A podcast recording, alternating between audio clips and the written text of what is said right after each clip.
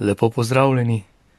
14. nedelja med letom, ko potujemo, to pot naše vere, današnja bo malo bolj trda.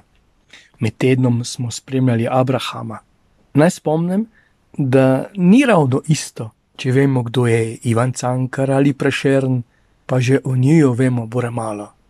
In če to navidezno poznavanje uvrstimo, recimo še gospoda Abrahama, ali pa če se nad katerim od njih navdušujemo za takšno bežno ali navidezno varno krščanstvo, to je to, navidezno je varno, bo sicer kar prav.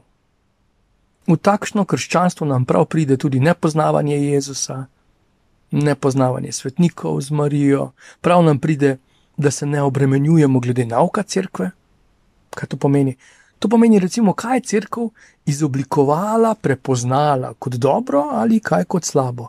Recimo v odnosu do vprašanj, kot so nekoč pa tudi danes, suženstvo, odnos do oseb z motnjo v razvoju, odnos do homoseksualnosti in oseb, ki so homoseksualne, odnos do ljubezni, odnos do imetja, pogled na kontracepcijo, splav, eutanazija, celibat in še in še. Cerkev dopušča izjemno širino. Kar poglejmo, recimo, deset se nas pogovarja o neki pereči temi. Recimo, aktualna tema Black Lives Matter. In vsak od nas lahko ima različno mnenje, vsi smo med drugim tudi krščani kristijani, pa lahko vseeno shajamo. Ampak to še ne pomeni, da se kdo od nas ne moti. In včasih imamo vtis, da raje živimo v zmoti, kakor da bi zauzeli stališče, ki bo skoraj gotovo v tem času sporno, zaničevano ali pa vsaj nazadnjaško, torej krščansko. Pa se vrnimo k Abrahamu. Samo to spomnimo, da je živel v času, ko je vera bila nekaj običajnega, še bolj pa vraževerje. Običajno je bilo moliti, še bolj običajno pa darovati bogov. In v tem duhu je bil dobro vzgojen, on in njegovi bratje. In se zgodi prelom, srečanje z enim bogom, kot strela z jasnega. To, kar je Adamu bilo samoumevno, da Boga ni spraševal, ki pa so še drugi bogovi, ali pa vsaj, dobri bog, kje pa je tvoja ostala družina, ožja družina, se je z leti zameglilo, izgubilo, pokvarilo, celo izrodilo. In Abraham se loči od tradicije in folklore in celo vere svojih staršev. To, recimo, z lahkoto sprememo, ker v kateri hiši pa še imate, da bi recimo živeli skupaj tri generacije in bi vsi živeli vero v Jezusa Kristusa. Nam se je pogosto zalomilo že pri življenju po veri med možem in ženo. Svoje je naredilo služenje vojaškega roka in potem nadaljevanje po raznih prostočasnih in interesnih dejavnostih.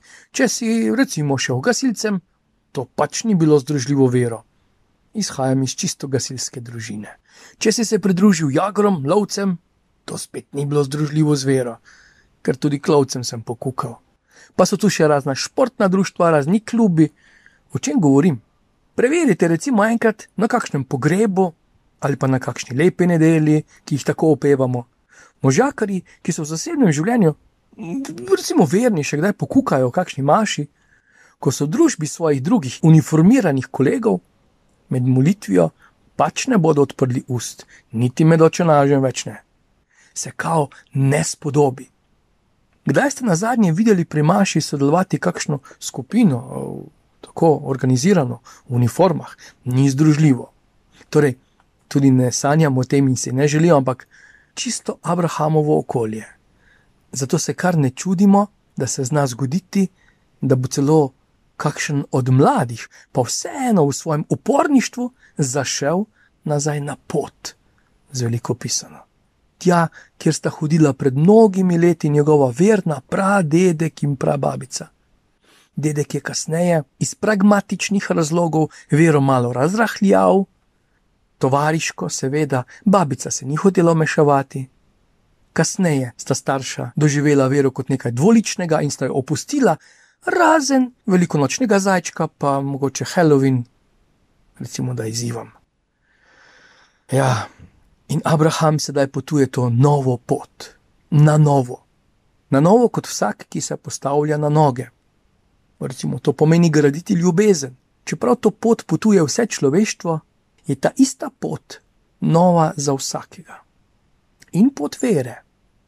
Ne, to pač ni pot učenja, znanja, je veliko bolj pot hvaležnosti, sprejemanja in odločitve.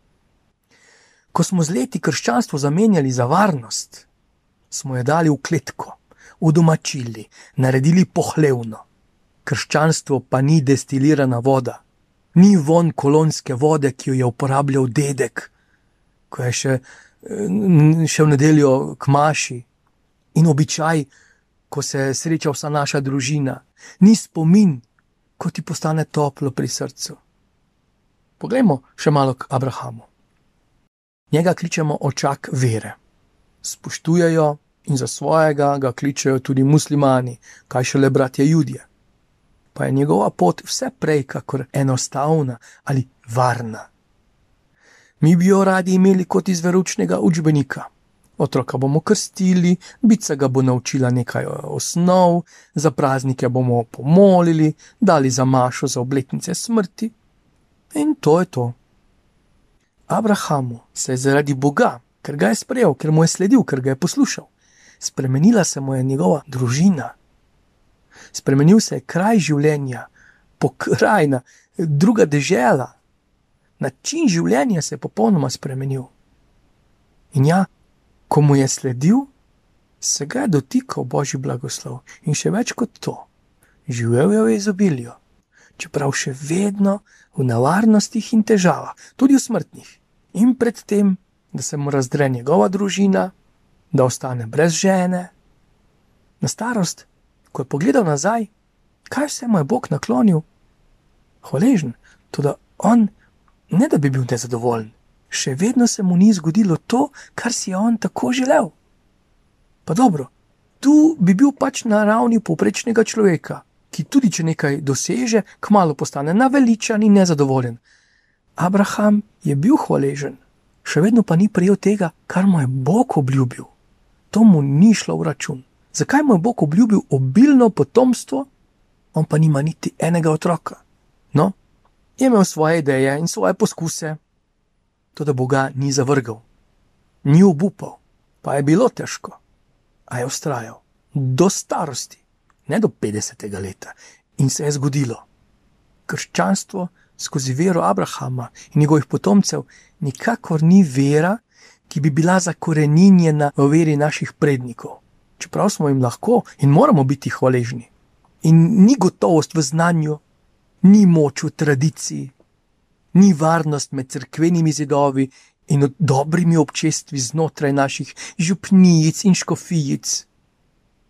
Biti kristjan pomeni odriniti na odprto.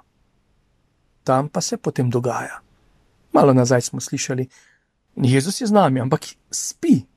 Abraham je moral celo, ko je dobil sina, ga vrniti, ga darovati, se mu odpovedati.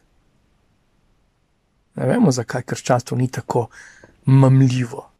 Ja, tu se pa potem tudi v takšnih časih, ko se včasih ali pa celo pogosteje lažje o veri pogovarjati z nevernim, kot pa z nekoč versko vzgojenim, lahko zaživi pravo poslanstvo, ki ga opisuje prerok Ezekiel v prvem berilu. Pravi: vame je prišel duh in me postavil na noge. Pošiljam te k narodu upornikov, ki so se mi uprli, oni in njih očetje. Ti pa jim govori. Ja, ponavljala se bo zgodba.